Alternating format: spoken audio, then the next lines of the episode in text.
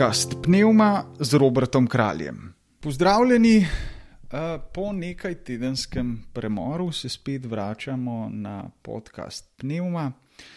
Eh, tokrat bom spregovoril o temi, eh, se, o kateri se zadnje čase precej govori,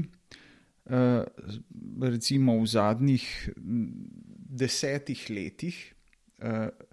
Prej pa je bila ta tema sistematično zamolčana in sicer gre za spolne zlorabe v katoliški cerkvi. Gre za neizčrpno in tako večplastno vprašanje in problem, da, da, da ne moremo tukaj lahko samo kakšen drobec omenimo, in sam se bom usmeril predvsem na en vidik in sicer bom predstavil, da sta pred tem problemom možni dve drži. In ena drža je ta, ki jo je crkva v zgodovini uh, večji del uh, uporabljala, oziroma jo je zauzela pred tem problemom, namreč drža sistematičnega prikrivanja to vemo, da se je vedno dogajal ta problem zlorab, eh, ne samo zlorab, tudi tega, da so imeli duhovniki vedno skozi vso zgodovino tudi otroke, da so, imele, da so imeli ženske, z njimi otroke in tako naprej. In to se je večinoma vedno prikrivalo. So pa bili tudi bomo rekli, svetli trenutki v, v kakšnih dobah, pa so o tem, kdaj pa kdaj tudi spregovorili. Eh, in eh, tak primer si bomo ogledali tudi eh, v tej epizodi.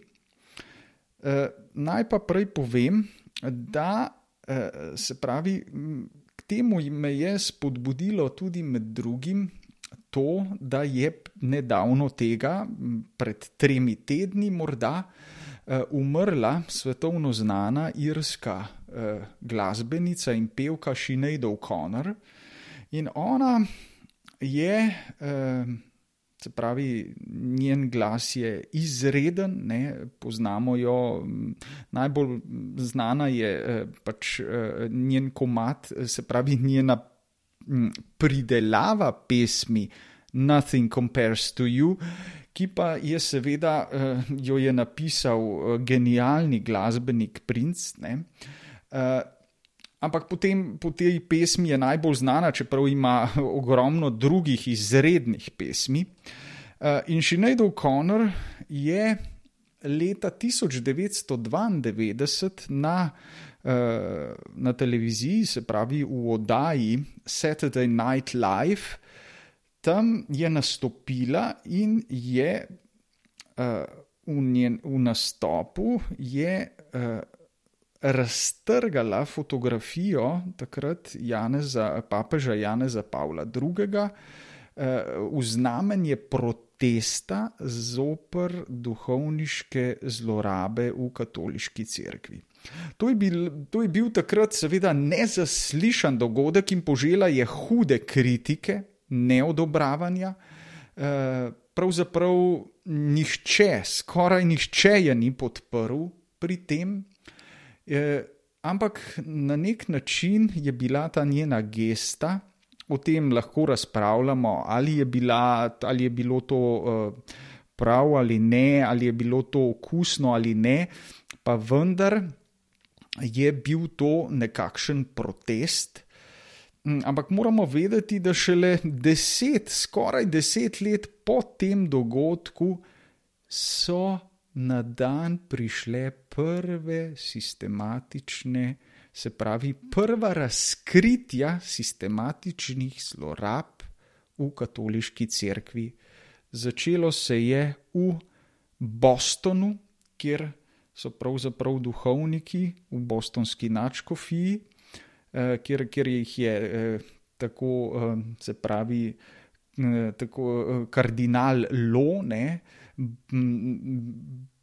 Bernard Tlo je takrat uh, sistematično prikrival uh, spolne zlorabe in te duhovnike premeščal iz župnije v župnijo.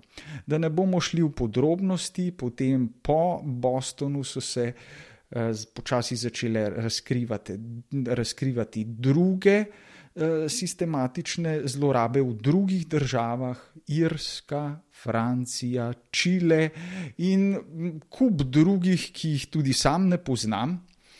Eh, kako je v Sloveniji, raje ne bi komentiral, tukaj je morda na dan prišlo nekaj usamljenih primerov, vendar eh, stvari, mm, se pravi, tudi tukaj eh, je crkv. Bi rekel, dolga leta in desetletja zauzemala to držo prikrivanja. Tukaj pa si bomo zdaj ogledali iz bogate uh, literature puščavske duhovnosti, to so uh, izbrani izreki puščavskih očetov, tako se imenuje, se pravi, apoftegme se jim reče. In gre za zgodbe, ki temelijo na neposredni izkušnji. To so bili menihi, ki so nekje v 4. in 5. stoletju se umaknili iz mest v puščave in so tam želeli živeti eh, strogo krščansko življenje, askezo, in seveda tudi tam, kjer je človek, se dogajajo odkloni, anomalije eh, in človek se sooča z zlom. Ne? Eh, in tudi tukaj so taki primeri. Eh, In si pogledajmo, kakšna je bila drža ne, eh, eh, tega eh, človeka, tega starca tukaj v tej zgodbi. Tako le gre. Ko je neki oče v puščavi zbolel, so mu bratje stregli. Ko je starec videl, kako se trudijo za nas, si je rekel: Grem v Egipt, da bom razbremenil te brate. Tedaj mu je oče Mojzes dejal: Ne hodi, sicer boš podlegel nečistovanju. Ta pa je užaloščen odvrnil: Moje telo je mrtvo in ti me svariš pred tem. Dvignil se je torej in šel v Egipt. Ko so ljudje, ki so prebivali tam okrog, to slišali, so mu prinesli mnogo stvari. Med drugim je prišla tudi neka verna devica, da bi bolnemu da bi starcu ponudila pomoč. Toda čez nekaj časa, ko mu je šlo že na bolje, je šel k njej in je z njim zanosila.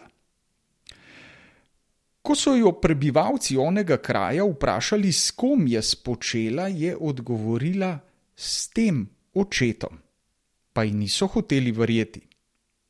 Starec pa jim je rekel: Jaz sem to storil. Prosim vas, pazite na otroka, ki ga bo rodila. Ko je rodila dečka in ga odstavila, je vzel starec otroka na rame in ob nekem prazniku v puščavi stopil pred vso množico bratov v cerkvi. Ko so ga videli, so jokali. On pa je rekel: Poglejte tega otroka, to je sin moje nepokorščine. Varujte se torej, bratje, kajti to sem storil v svoji starosti. In molite za me. In šel je v svojo celico in začel znova živeti na prejšnji način. Torej, ta apoftegma nam govori, da obstaja neka druga drža, ki ni drža prikrivanja, ampak je drža prosojnosti, drža priznanja, tudi ki vključuje tudi držo kesanja. E, kot smo videli, je rekel, da naj pazijo na tega otroka, kar zelo verjetno pomeni, da je za tega otroka sam poskr se pravi, poskrbel na ta način, da je bodi si od svojega dela Eh, dajal nekakšno preživnino, se pravi, da so tega otroka lahko vzgajali, čeprav je starec potem živel naprej meniško življenje, kot je rečeno, ampak te podrobnosti nam, nas ta trenutek ne zanimajo tako zelo, kot pa sama drža, ki je v tem, da je ta starec prišel, predstopil pred celotno skupnost in priznal, da se mu je to zgodilo. Ne? In tukaj vidimo ne, v tej preprosti zgodbi, ki temelji na resnični izkušnji, kaj ti ti očetje, ti starci so imeli svoje učence, ne, ki so to tudi zapisali. In eh, da ne bom predolg, eh, želimo si, jaz sam in upam, da tudi vi vsi, kdorkoli že, eh, da bi crkv večkrat zauzemala to držo, tega se crkv danes znova uči, vedno znova, ker se mora tega vedno znova učiti, kajti vedno je v skušnjavi, da bi take stvari prikrila.